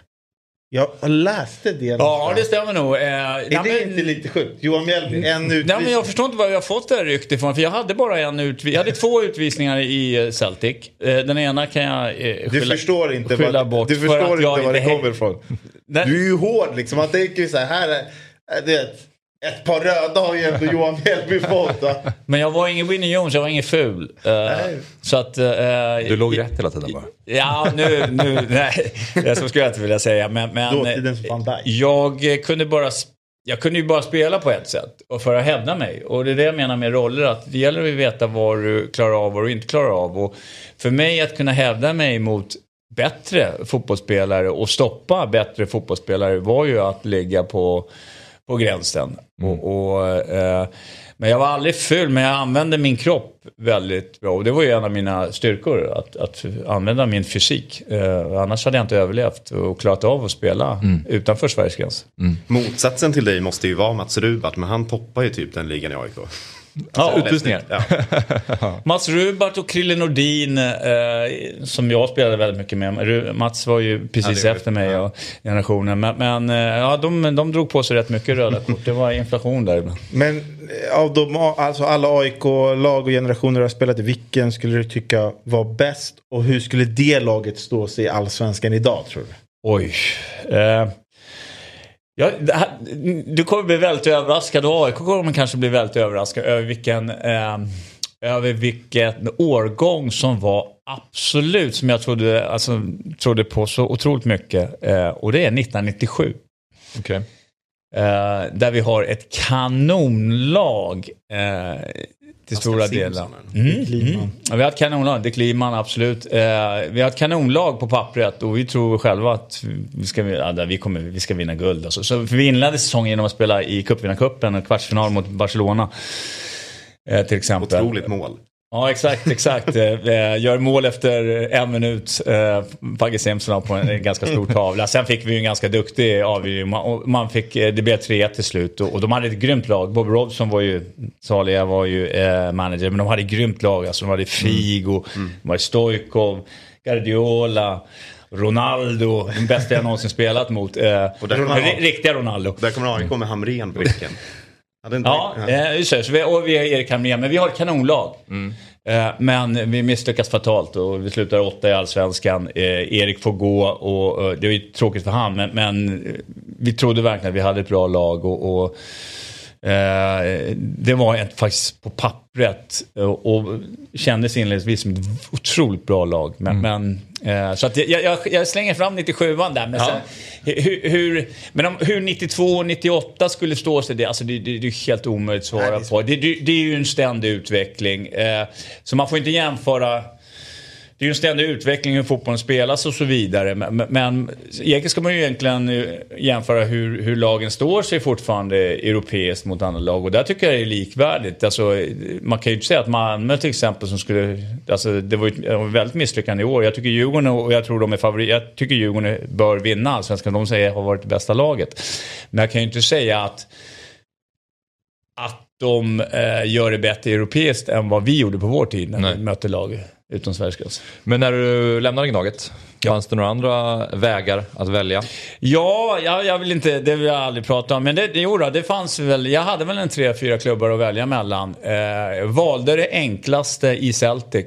Eh, I och med att Henrik Larsson var där, vi spelade tillsammans i landslaget. Alltså enklaste för att det var det Eh, tryggaste valet eller? Det var den största klubben, för jag tror inte folk förstår och eftersom Celtic har haft en rätt jobbig, eh, eller jobbig, de, de vinner ju titlar, men, men har ju försvunnit i periferin lite grann eh, egentligen i, i Europa och i ekonomin. Men det är en gigantisk klubb, man förstår inte förrän man är där vilken gigantisk klubb det är. Eh, och, och jag valde just för att jag visste att det skulle vara jag skulle ha en väldigt stor sannolikhet att spela och jag alltid skulle få spela i Europa med alltså Uefa-cupen som det var då, men numera Europa League, eller eventuellt Champions League då. Eh, och, och jag var mitt inne i min landslagskarriär, så det, på så sätt var det enkla valet. Okej. Eh, och, och eh, det var rätt mycket Skandinavien när jag väl kom dit, så det var väldigt enkelt att komma in. Nu, nu blev det direkt att jag tydde mig till de brittiska i och för sig för att komma in. Så att jag menar, eh, eh, men, men på så sätt var det enkla. Och det, Nej, men det, var, det var ett fantastiskt val. Jag ångrar inte en enda sekund. Eh, jag kan, när jag sitter här idag och jag som är jag är uppfödd i AIK och allting. Alltså Celtic är lika stort i mitt hjärta. Och, och jag har väldigt bra kontakt med klubben än idag. Så att jag fick ju ändå sex som spelare, fyra som assisterande manager, eh, tio år i klubben och, och bodde där. Så att, eh, nej, det, det är en helt otrolig klubb. Ja, hur sstor är du i Celtic idag liksom, om du eh, eh, åker tillbaka till Glasgow? Vad... Jag blir igenkänd direkt. Ja, det- det, är inte som i Sverige när ingen eh, känner igen en. Utan, eh, nej men det är klart att det beror ju på lite att du har ju två, det är bara två lag där. Det är två gigantiska klubbar i en liten, liten stad, Glasgow, som är mycket mindre än Stockholm till exempel. Och fotbollen betyder så otroligt mycket. Och, och just nu är bägge lagen på uppgång också. Så att det är ju egentligen så, när jag brukar komma till Glasgow och alltså, s- säga till vita eller arbetsskåpbilar som stannar vid ett rödlyse så är det antingen så, antingen stannar och springer ut och tar foto och kramar om. Eller så är det handen ut. Wanker! Det är de två alternativen. exakt, exakt. Så när, när, när vindrutan rullas ner så vet du aldrig riktigt. Okej, ska vi se, vad, ska vi se om de vill ta en bild eller om de kommer börja jobba med handen? Det är Liksom. ändå skönt att hetsen inte har dött liksom efter så här många år. Man Nej. känner igen, ah där är den. Men eh, och, och sen då, för att backa bandet där vi egentligen började. Sen när du gick till Levante, då visste du redan att det här kommer inte funka. Alltså då var kroppen för trasig. Ja, jag hade ju en lite naiv och trodde. Jag, jag, jag tog in en massa tuppkammar i, i knät, vilket man kanske inte är det bästa av. Det brukar hjälpa ibland. Men, men, men eh, nej, jag förstod det. Jag, Levante var ju i den fasen att det, var ju en väldigt liten klubb på den tiden. Alltså, de var tillbaka första gången på herrens, herrens massa år. Och Levante är ju Valencia då, eh, Valencias nummer två. Mm. Och, hade ju inga, jag menar, eh, om du åker idag till Levantes tränarläge så det, har de väldigt fint. De har verkligen byggt upp det bra och, och, och vuxit. Men, men när jag kom dit så var det som, wow! Alltså efter vårt Celtics med, med alla resurser, även AIK som hade ändå Karlberg, även om vi fick åka egna bilar från, från Råsunda till varje träningspass till Karlberg och tillbaks och så vidare. Så hade vi ändå en egen, här var det, här, man blev lite så här chockad att jag kommer till en liten så här gärdsgårdsklubb. Eh, Så att de hade ju inte, men jag gick igenom medicinska vilket var, jag trodde aldrig jag skulle göra. Du klarade ändå det, liksom. Ja, ja precis. Men, men problemen började direkt att det, redan på försäsongen, jag klarade inte av att springa upp i bergen. Det gick inte. Det var Nej. ben mot ben. Och, men eh, där, jag var med i inledningen av säsongen, klarade av det. Men sen, sen, eh, Sen blev det för, för tufft. Eh, jag ville åka och, och försöka, ja, försöka göra någonting åt situationen eh, tre, fyra dagar. Men det hade ju inneburit en ko- kostnad för klubben och, och ja. Eh, klubben var väl inte lika organiserad då som den var nu. Utan det var ju en, en herre som styrde klubben rätt kraftigt och så vidare. Och han var inte så sugen på. Så att jag menar, eh, vi kom överens bara att bryta kontrakt. Och, och då var jag ju helt slut som som artist. så att eh, jag började genom en kontakt i, i förbundet Paul Bolson då åka över och, och via Spanien flyga till Cardiff och så vidare. För jag var så illa att jag inte kunde sova på nätterna för det hade gått upp i höften även och så vidare. Du vet verken. Så jag fick börja med de här Susanne Lanefelt som ni, ni kommer ihåg. De här, hon den första kvinnan som körde lite gymnastik med lite bollar. Så jag fick, så jag fick börja med typ sådana övningar och sen byggde jag upp en så mycket. Så kom jag hem till AIK och Stefan Söderberg visste om att att, ja, men jag kan ju inte lira Stefan, det fattar du. Ja, men, ja, vi har precis kommit upp, eller vi har blivit Vi uppflyttade till Allsvenskan. Du, du, kan väl du kan väl ta alla intervjuer och så vidare och, och få grabbarna i lugn och ro. Så att, vi körde så lite grann, men... men Du fick ett jävla mäktigt tifo alla fall. Ja, helt otroligt, helt otroligt. Sen tror jag eh, Rickard blev lite chockad. Jag klarade väl av en 10-15 minuter, förstår du vad jag menar? Och, och så hoppade jag in inför du vet, sista genrepet där och det blev ett jädra ös. Så jag klarade av att köra i 10-15 minuter bra. Så ja, du får le första matchen. Men sen eh, 65 minuter in i den matchen, jag kunde inte gå. Alltså, det var...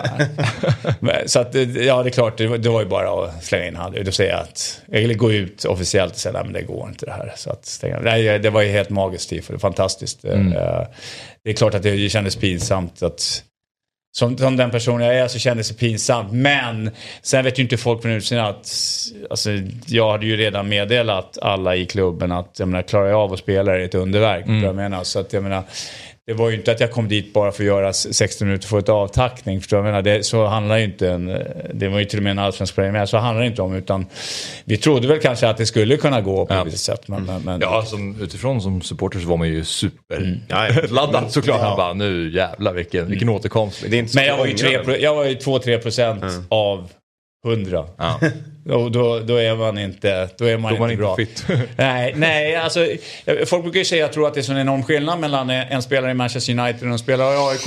Alltså, skillnaden är ju bara alltså, typ 57 procent. Men då klarar vi 57 procent mentalt, 57 fysiskt och så vidare. Mm. Men skillnaden är inte större. Det handlar inte om de här 30-40 procent som folk i, i gemen, som kanske inte är så initierade som ni är. Men, men att folk tror att det är så enorm skillnad, det är det inte. Det, det, procenten är väldigt små, men det är procent i varje av de här delarna där du behöver vara duktig och så vidare.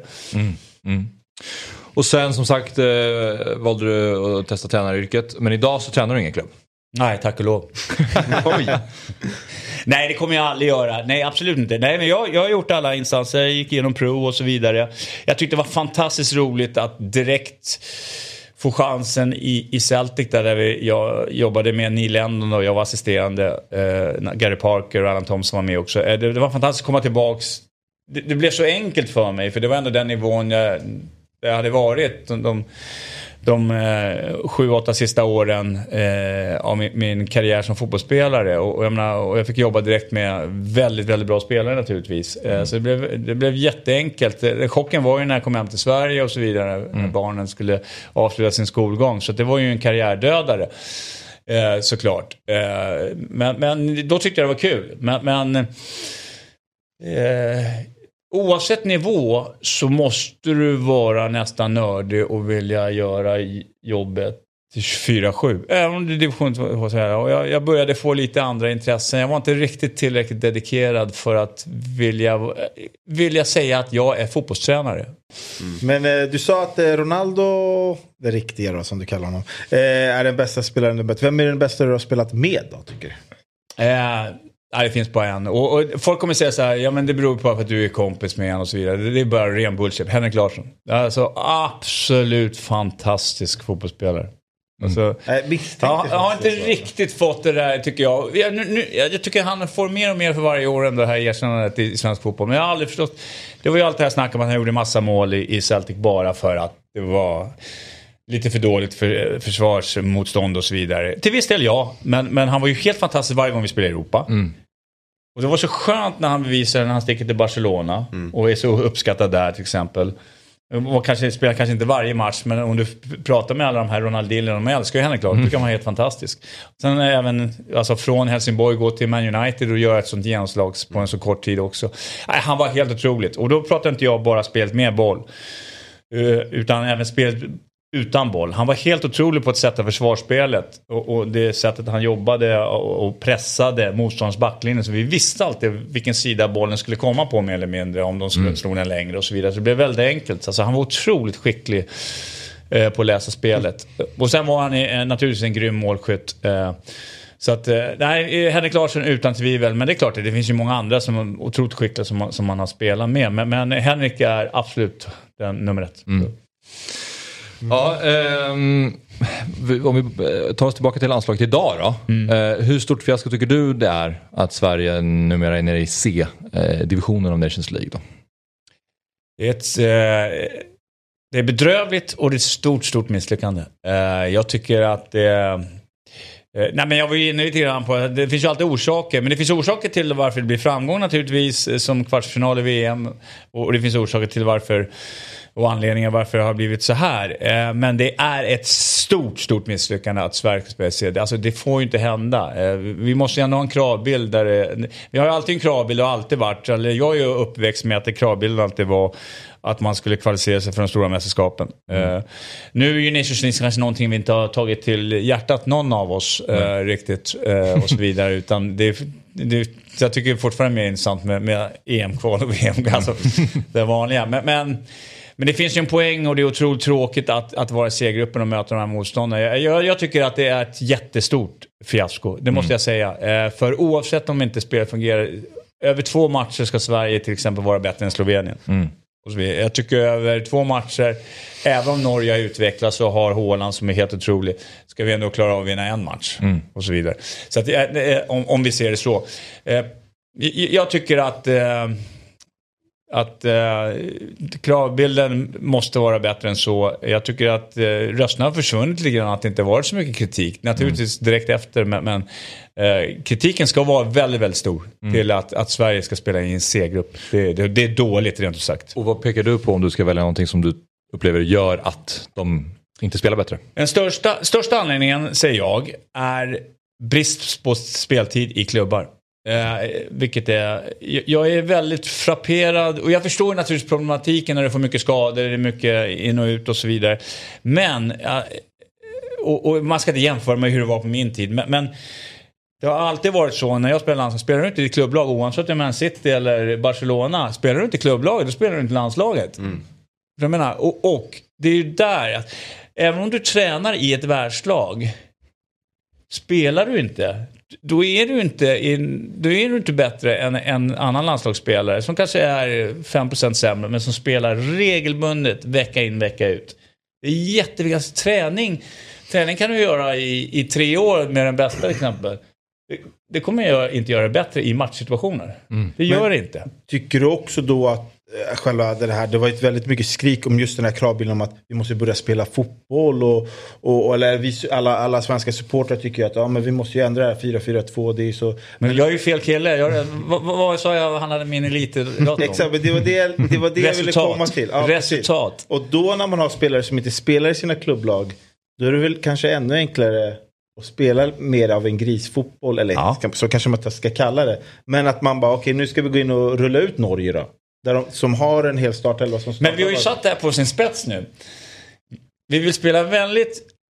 eh, Eftersom vi har mera framåtlutade spelare eh, som är eh, bättre fotbollsspelare tekniskt sett och, och framförallt anfallsspelare än, än tidigare och väldigt spännande. Eh, vilket jag är den första att hålla med om. Nu har vi kommit till den här spetsen att det, är det viktigare att försöka spela bra fotboll och nå inga resultat?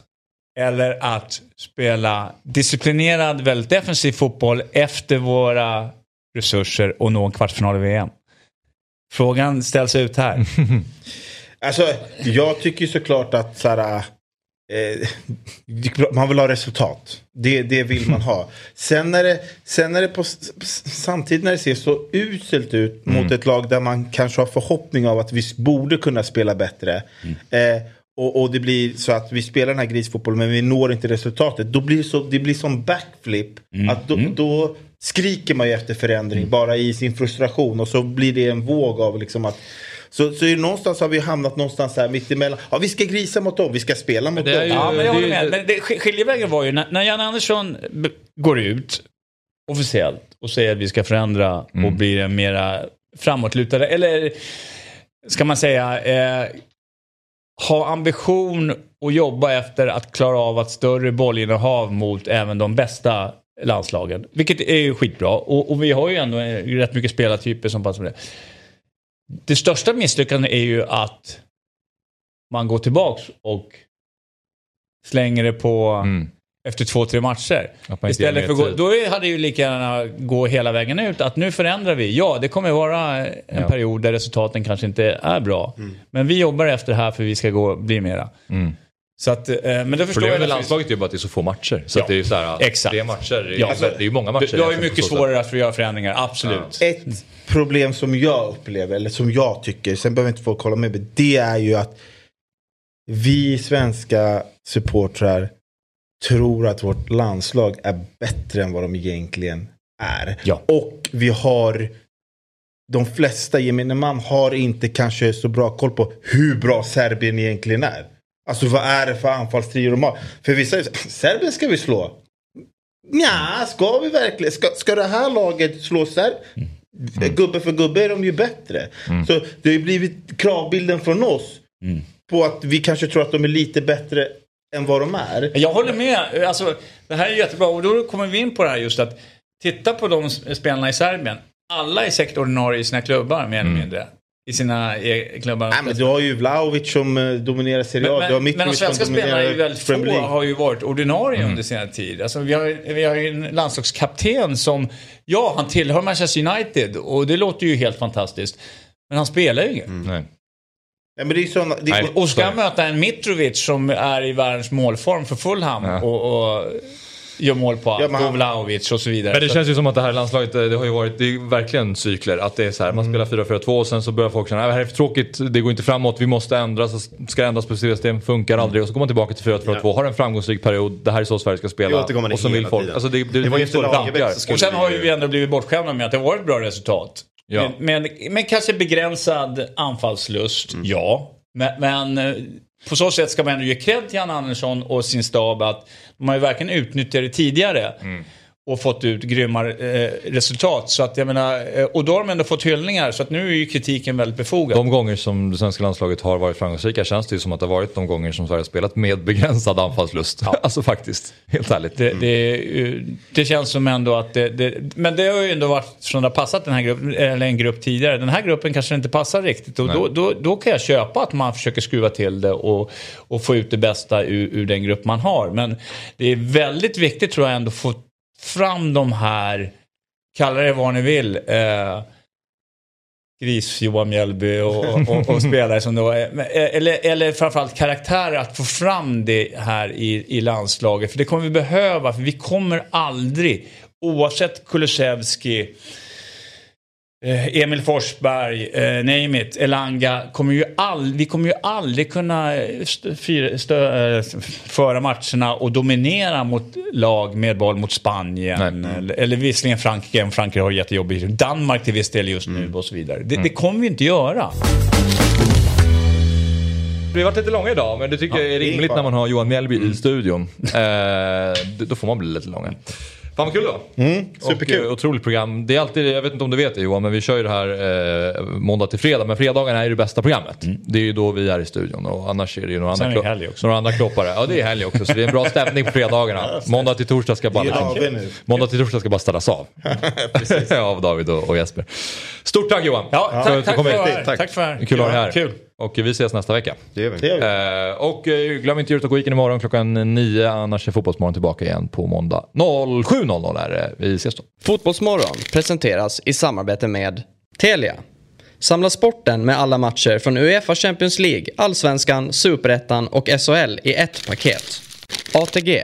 Odds på Premier League, Allsvenskan och all världens fotboll.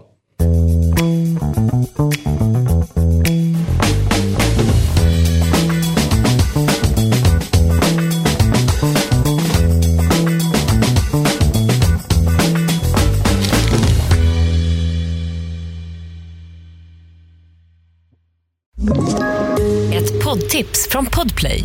I fallen jag aldrig glömmer djupdyker Hasse Aro i arbetet bakom några av Sveriges mest uppseendeväckande brottsutredningar. Går vi in med hemlig telefonavlyssning och, och då upplever vi att vi får en total förändring av hans beteende. Vad är det som händer nu? Vem är det som läcker? Och så säger han att jag är kriminell, jag har varit kriminell i hela mitt liv men att mörda ett barn, där går min gräns. Nya säsongen av Fallen jag aldrig glömmer på Podplay.